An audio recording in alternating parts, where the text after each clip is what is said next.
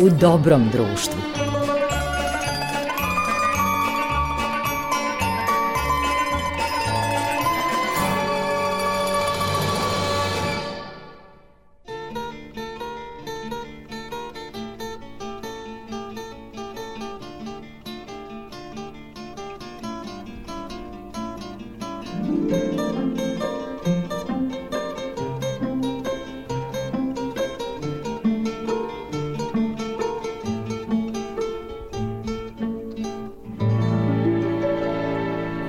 Poštovani slušalci, slušate emisiju U dobrom društvu. Na talasima ste prvog programa radija, radio televizije Vojvodine.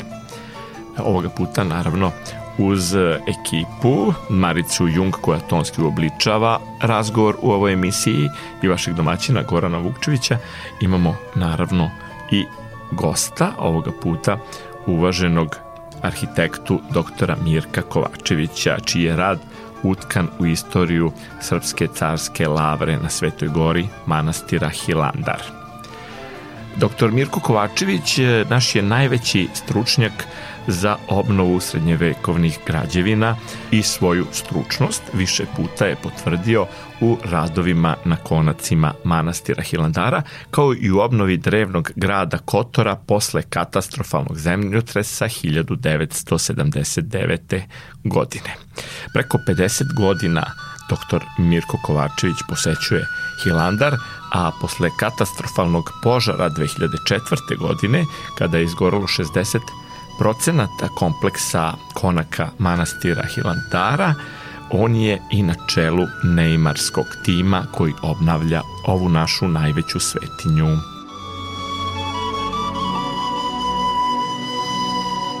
Razgovor sa profesorom Kovačevićem vodio sam na Beogradskom sajmu knjiga 2022. godine na kojem je promovisao drugo izdanje svoje kapitalne knjige o manastiru Hilandaru.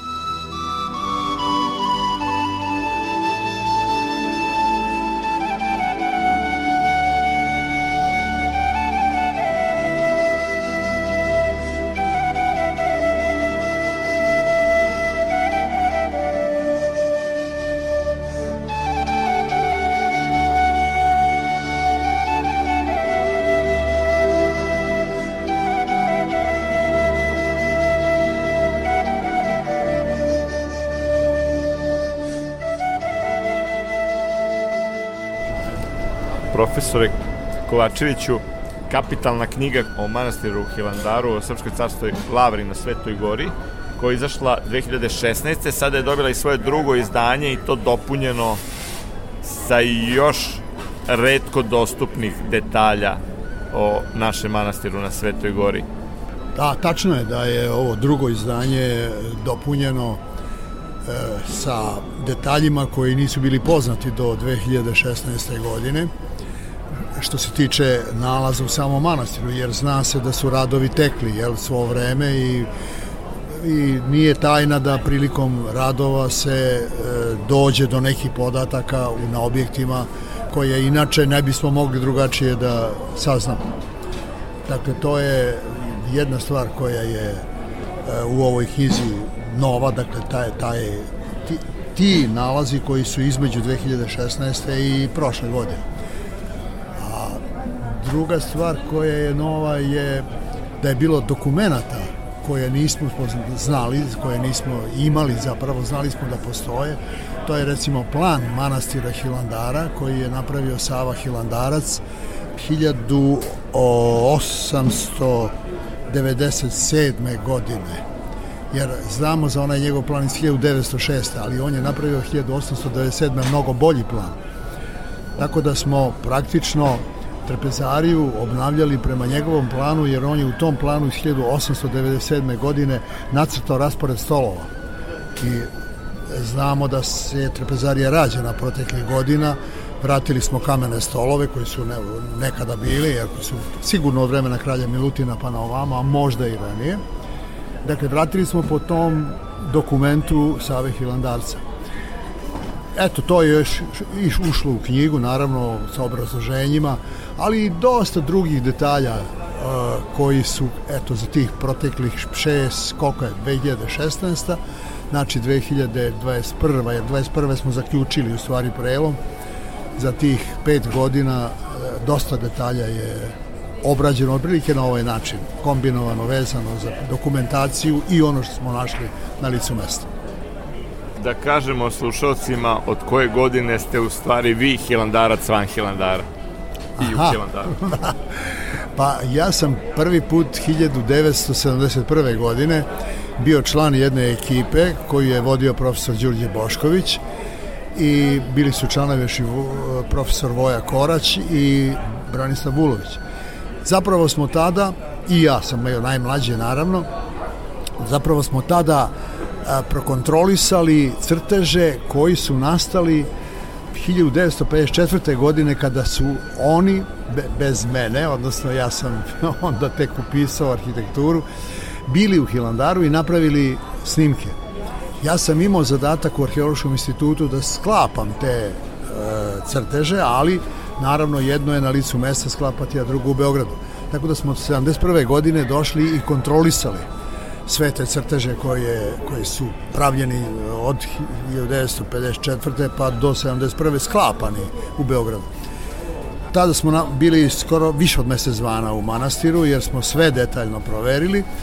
Onda smo ponovo došli, popravili u Beogradu i ponovo 1972. godine. E, dakle, od tada pa evo do prošle godine, prošlo je 21. 50 godina. Kada saberem sve boravke u manastiru, nekad je to bilo svega nekoliko sati, čak jednom je bilo svega nekoliko sati, a inače je bivalo po 7 dana, 10 dana, mesec dana, kako kada, to je više od 7 godina boravka u Hilandaru na Svetoj Gori. Meni ono što je e, zanimljivo, s obzirom da sam ja otišao 90. prvi put, a vi 20 godina ranije, ja znam koliko se Sveta Gora menjala kroz decenije, u stvari neverovatno su velike promene, e, rekao bih u poslednje dve decenije, ogromne, i prosto e, javi mi se jedna nostalgija za, za onim hladnim sobama, za petrolejskim lampama, za hladnom vodom i vrlo neobičnim nekim e, mokrim čvorovima iz prošlosti. Kakva su vaša sećanja na te najranije odlaske, koliko se u stvari Hilandar razlikuje nekadašnji od ovog danas koji prima ogromnu ogroman broj posetilaca za razliku od nekada kad je bilo mnogo dana da niko ni ne uđe od gostiju. Tačno, tačno. Pa evo ovako, e, poslednjih zapravo prvih desetak godina posle onog mog prvog dolaska, jel, to je 1971. do 82. treće, Hilandar je bio po meni, ja ga tako pamtim, ostalom postoji dokumentacija neka i fotografska i različita. Onakav kakav je bio i 100 godina ranije i 200 možda godina ranije. Ne, ne sve, jer nešto je i građeno, jel, 1790 i 1800 početkom 1816. onaj veliki konak gore i tako dalje. Ali ono što je što se e, generalno može reći to je bio srednji vek. Ja sam imao utisak kad idem u Hilandar tih godina, tih 10 od 71. do 82. 3. da se iz civilizacije ulazim u srednji vek. Već 80. godina su počeli neki putevi da se prave, došlo je više vozila.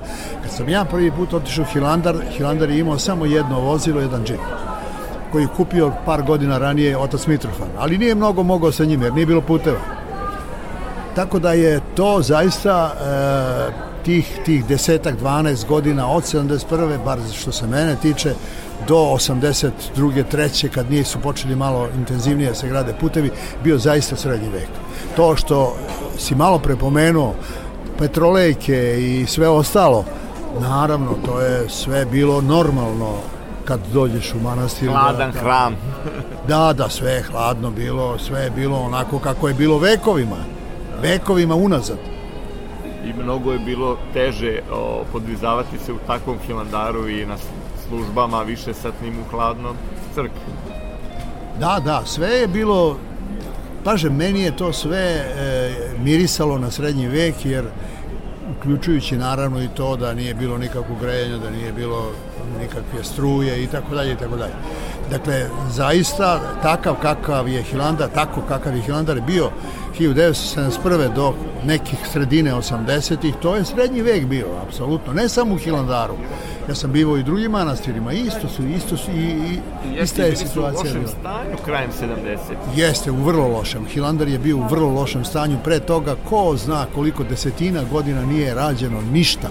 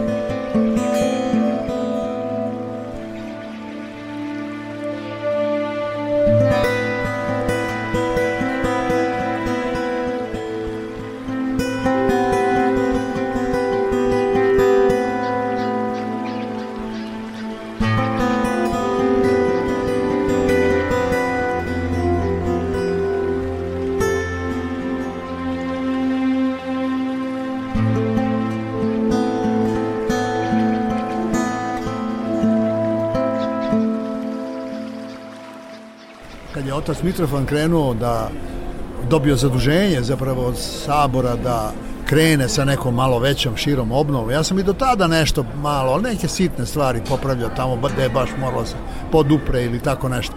Međutim, kad je otac Mitrofan krenuo negde početkom 90-ih da kao svojim poslušanjem jel, sa, sa obnovom manastira krenuli smo od onog što je bilo naj, najviše što je najviše ugrožavalo i manastir i zdravlje i ne samo to, nego i ambijent i tako dalje.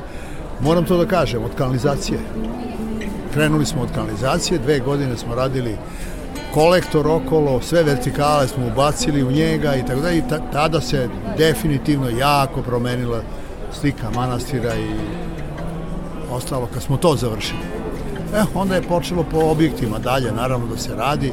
Južna Mala koja je pre, koju je pre toga profesor Nenadović doveo u neko konstruktivno, prihvatljivo, što se konstrukcije tiče, prihvatljivo stanje. Međutim, nije bilo ništa uređeno unutra, nije bilo pregrada, nije bilo prozora, nije bilo vrata, samo je konstrukcija bila sređena.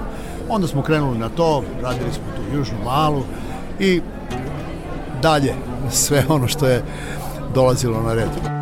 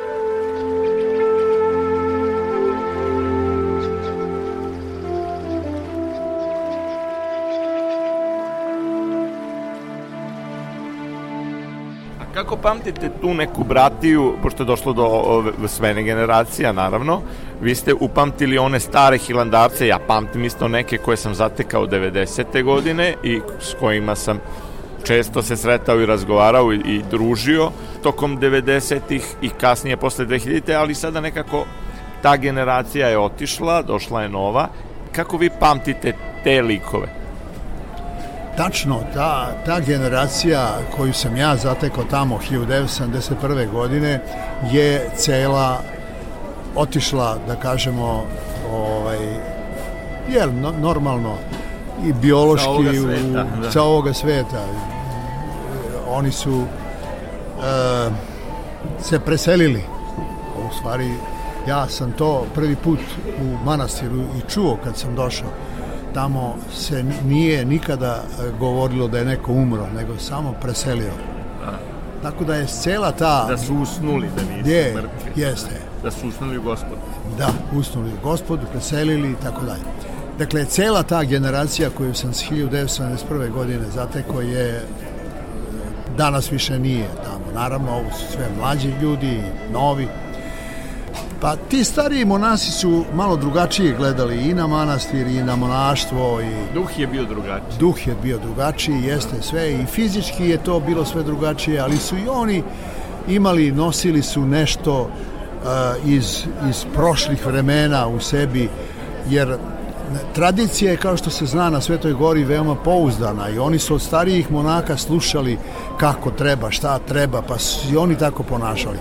I na taj način e, i voleli Boga i manastir i crkvu i sve što je što se tu što se voli u manastiru Hilandaru. Međutim, ne mogu da kažem baš za ove mlađe da, da na taj način žive. Ipak su oni doneli ne, neki duh savremenosti u manastir, došla je struja, došlo je, onda oni imaju neke svoje želje i zahteve kad je u pitanju ovaj, telefonija i tako dalje, da ne pričamo da, te da, stvari. Sve to bilo, sve je to bilo onda, jeste, sve je to bilo onda, apsolutno nije, nije bilo važno, nije, nije, nije postojalo na kraju kraja. Bilo je kao da, da se uđe u vreme plovi od, od plovi u srednji vek, to je. Tačno, tačno, to je ja, moj utisak, kao ono, rekao sam na početku. Ali to je bilo očaravajuće. Jeste, to je, i meni je veli, ja sam zahvalio ovoj knjizi tvorcu što mi je, što mi je to darivao tih 50 godina, naročito tih prvih desetak, 15 godina kad sam... Koliko ste imali godina kad ste prvi došli? Pa evo, ja sam rođen 34. 71. 40 godina. 30, da, da, da. Vi ste u stvari došli, to je bilo puno mjeku Titova Jugoslavija. Jeste, naravno. Tad je Ustav 74. One je, jeste, posle toga je Ustav, do one, tako da.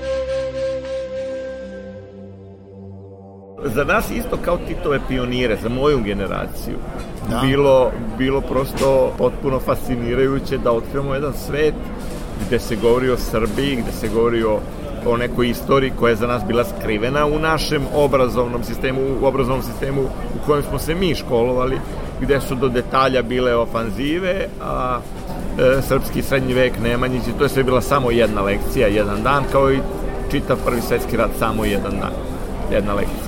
Pa da, dobro, ja sam prošao kroz tu školu, ja sam pošao u gimnaziju 1944. godine, prvi raz gimnazije, tako da nama su bili, bio glavni, glavni sadržaj predmeta, istorija su bile ofanzive i tako dalje. Mislim, to je opšte poznata stvar, naravno. Da u detalje platforme Avnoja političke. Da. Pa dobro, to je, tako je bilo vreme i to smo učili, hvala Bogu. Yes. I tačno je to što Ali si rekao. Ali bilo da veliko iznenađenje kad... Da, da, i tačno je to što si rekao da dolazak u Hilandar je prvi, e, prvi dolazak u Hilandar je u stvari i e, sagledavanje nečeg što smo mi ma, pola znali, propustili, pola malo znali, malo nismo znali. Tek tamo sam ja u stvari zaista nekako shvatio gde smo mi u tom trenutku, šta ne znam, šta ja sve ne znam u stvari o tome što, šta je naša prošlost. I Ogromni deo istorije koji, sobstvenog roda. Jeste. I ne samo u, u istorijski, nego šta ja sve ne znam i u materijalnom smislu, šta ja sve, šta sam sve propustio da vidim, što nisam video. Jer je prosto to tako išlo, nisam bio upućen da neke stvari pogledam. Tek tamo, tek dolazak tamo, razgovori, prvi, drugi, treći put su mi otvorili neke stvari koje sam ja posle kad sam došao u Srbiju malo drugačije video, malo drugačije gledao. Eto, to je bilo nešto što, što se nosi iz tih prvih dana.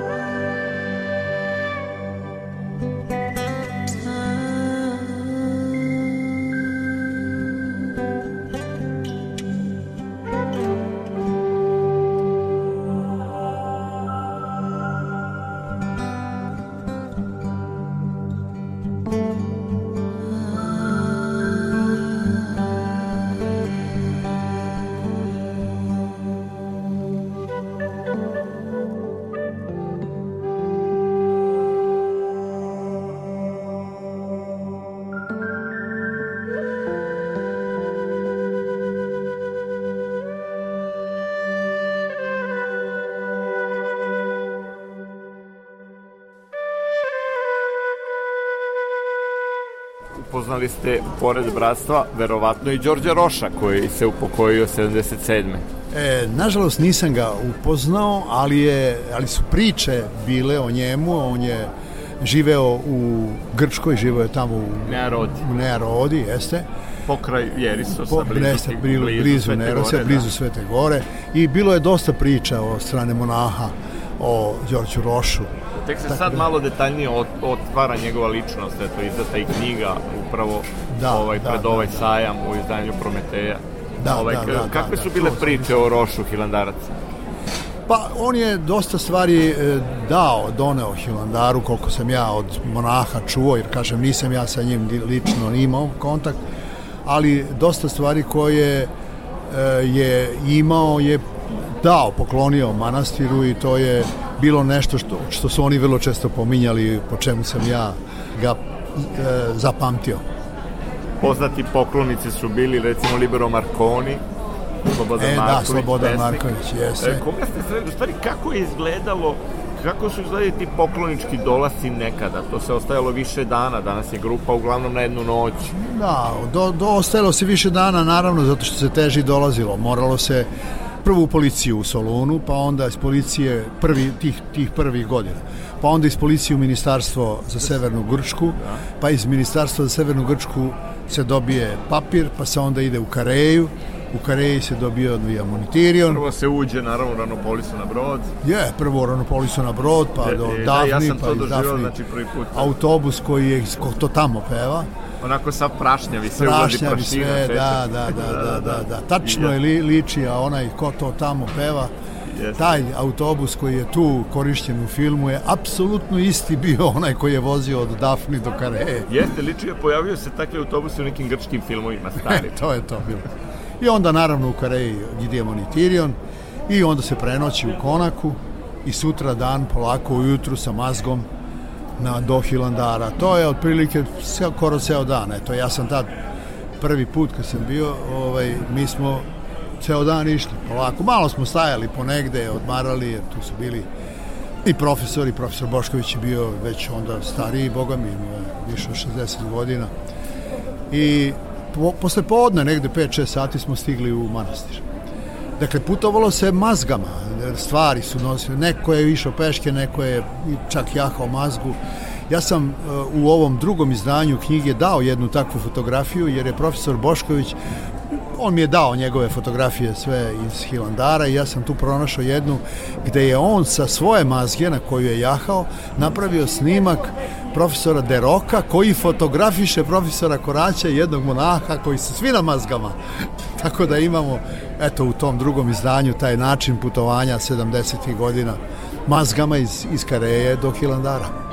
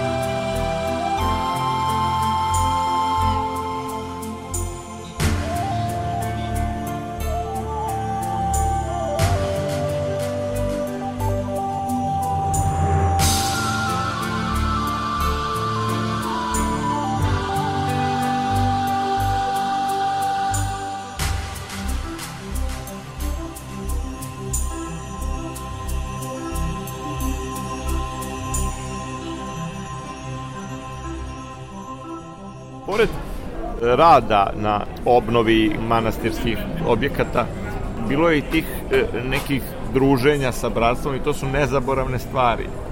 pretpostavljam da, da je ovaj e, bilo i tih nekih trenutaka kad ste mogli da se opustite, a i da dosta toga naučite kroz razgovor sa hilandarcima. Meni se čini nekako da su ranije više se skupljali oko gosta, jer nije bilo toliko komunikacije sa Srbijom. Ja se sećam da su i mene pitali kad sam došao kako nam je Srbijica, da li Srbi vole zloglasnoga, tako su zvali Tita. Kako se sećate tih druženja sa bratijom? Pa ovako, prvi put e, malo je bilo toga, jesmo sedeli par puta, e, iako smo dugo bili jer smo radili intenzivno po ceo dan dok god se vidi od, od svanuća do sumraka, malo ne da završimo taj veliki posao. Ali već drugi dolazak sledeće godine je malo drugačiji u tom smislu bio i evo u mojoj knjizi je, je jedna fotografija sa Fandarika gde sedimo otac Mojsej Ćorović, i profesor Korać, profesor Vulović, ja i još dvoje, troje. Dakle, imali smo ta druženja na Fandariku je bilo više puta, recimo, raznih razgovora na razne teme, ali kažem, to je bilo 72. 71. smo jako malo ovaj, imali takvih razgovora.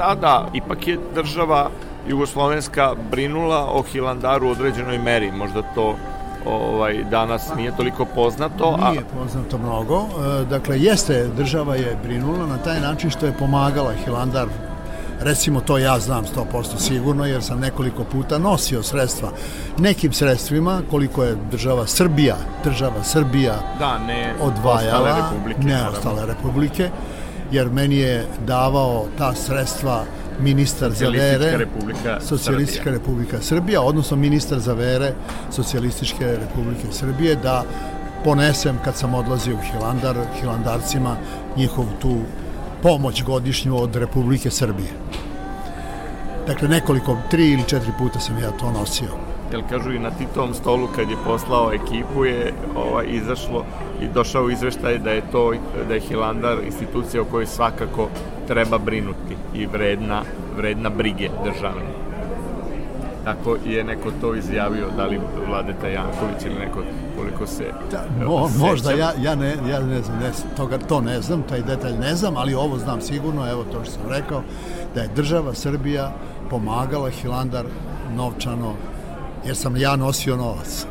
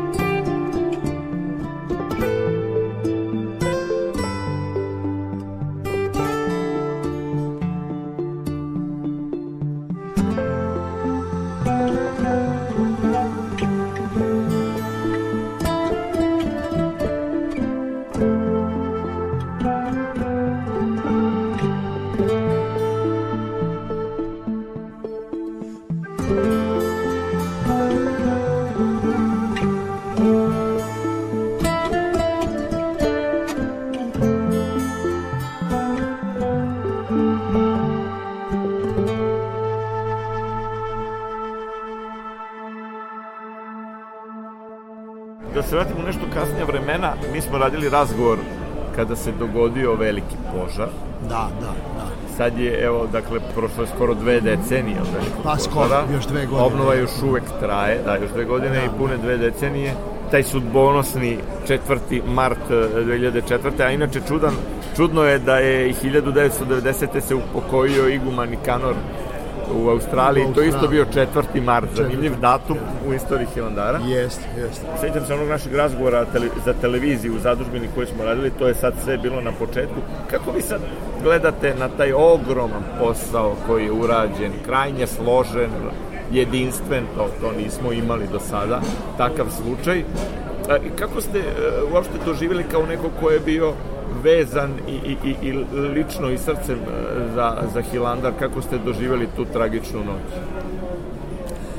Pa ja sam nekoliko dana pre požara otišao iz Hilandara i drugi dan sam došao, jel, tog 4. marta zapravo sje, smo saznali i ja sam već 4. uveče ili sad se više ne znam kad krenuo za Hilandar i došao sam jedan dan, ja sam još zateko dim koji dimi iz objekata, imam fotografije u knjizi, neke od njih.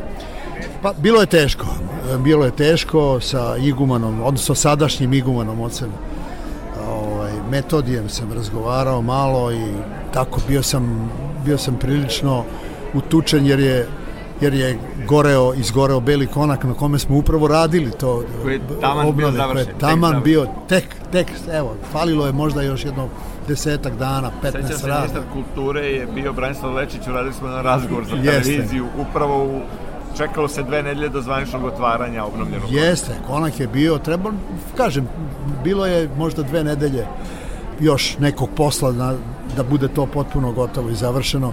To je bilo, to je jako teško naravno jer smo dosta uložili u to da konak, taj beli koji je bio specifičan, e, seća, sećamo se ga se svi, jel, on je građen negde u ovakvom stanju kakav je bio kad je goreo, negde 1000, 1599. tako bilo. I tu su bili i materijali i mogućnosti koje su bile u to tursko vreme, naravno veoma vidljive. Međutim, sve ukupno, o sve ukupan posao oko e, obnove manastira i mislim da je protekao relativno dobro. Imamo na nekoliko mesta neka odstupanja od nekih principa prilikom obnavljanja ovakve graditeljske baštine, ali u odnosu na sve ono što smo uradili za ovih koliko je to 15 nismo mi počeli još već 2004. nego 2006. otprilike da radimo. Znači da, imamo 14 i 2, evo, 16, šest, ovo je 16. godina kako radimo obnovu, jel, praktično. Sve što smo uradili, taj ogroman posao za ovih 16 godina, to što, što nismo, što nije bilo po principima urađeno iz razno raznih razloga, naravno tu su i materijali bili u pitanju, sve je to bilo relativno teško i nabaviti i tako dalje, je zanemarivo malo u odnosu na ono što je dobro urađeno. I ova ekipa koja je radila je to izvukla, iz, iz, iz, uradila jedan veliki posao. Ja mogu da tvrdim sasvim, sasvim ovaj, znam sve šta smo radili mi u Srbiji. Ova obnova Hilandara koju smo mi izveli iz Srbije, mi smo imali sa Grcima saradnju, naravno sa Kedakom i tako dalje, ali oni su sarađivali toliko što su projekate kontrolisali i on je kontrolisao sve svo izvođenje radova. Dakle, mi u Srbiji nismo imali tako zahtevan, tako dugačak i tako veliki, tako, tako, tako uh, skup, da kažem, odnosno sa posao koji je urađen sa tako velikim nismo imali nikada toliko velike pare da uradimo takav posao u Srbiji, nigde, ali nismo imali ni potrebu, naravno, jer Hilandar je nešto drugo, Hilandar, polovina Hilandara koja je gorela je mnogo u odnosu na ono što smo mi u Srbiji rekonstruisali. To je mnogo veće, mnogo, mnogo, mnogo. Da, vi ste imali iskustva naravno u Crnoj Gori. Kada ste... Pa imao sam u Crnoj Gori posle Zenjotrisa, imao sam, pre toga sam radio i Lepenac obnovu, ona je, to je bila srušena crkva, pa sam radio na Rudenici, pa sam radio sam pre toga i na Ravanici. Tu smo radili jednu obnovu posle nekih nestručnih obnova iz 19. veka. Ali dobro, to nije tema ovog našeg razgovora, Hilandar je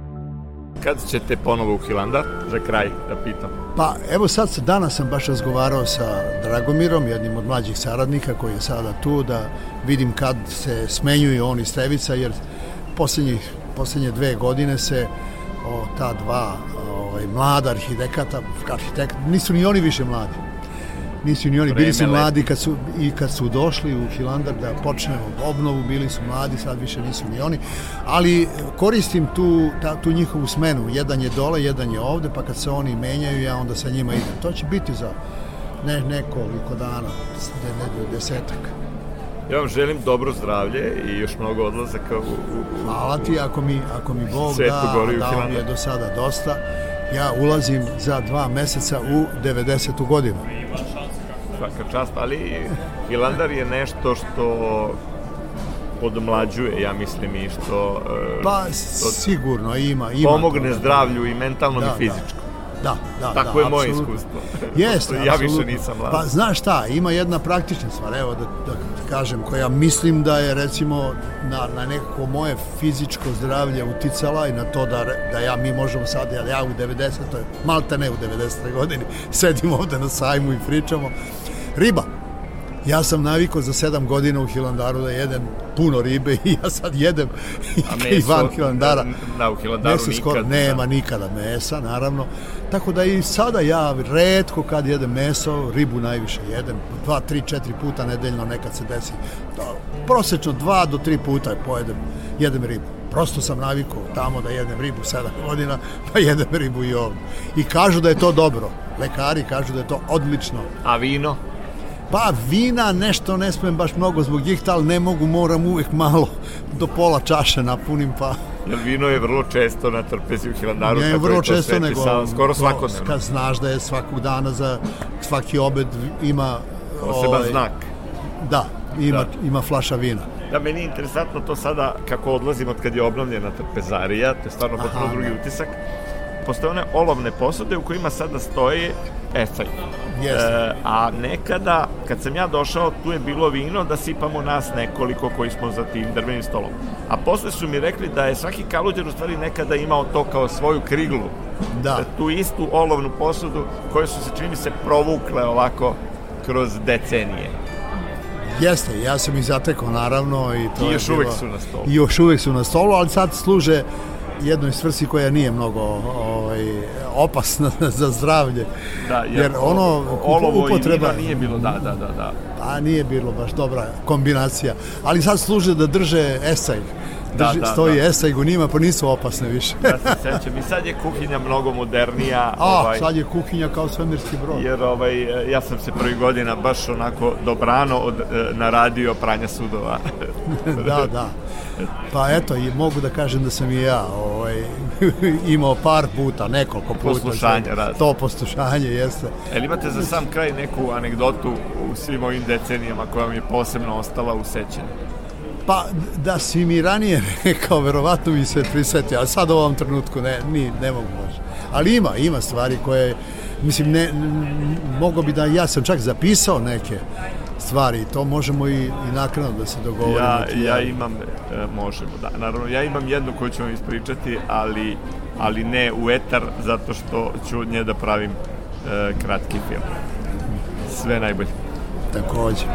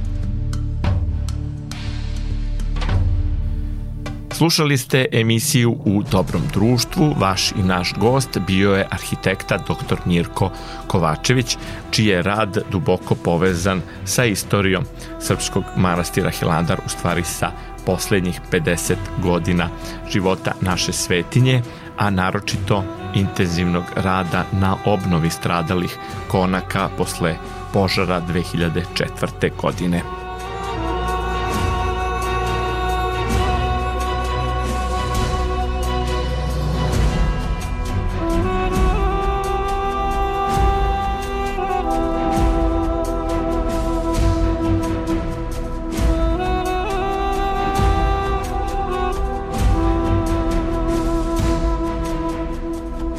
Ovoga puta ovaj razgovor je tonski uobličila Marica Jung. Domaćin emisije bio je Goran Vukčević, koji vas očekuje i sledećeg petka sa novim gostom, a do tada ovaj razgovor možete čuti ponovo pod opcijom odloženo slušanje na našem sajtu rtv.rs ili repriza četvrtkom kao i obično posle vesti u 16 časova. Ostanite u dobrom društvu.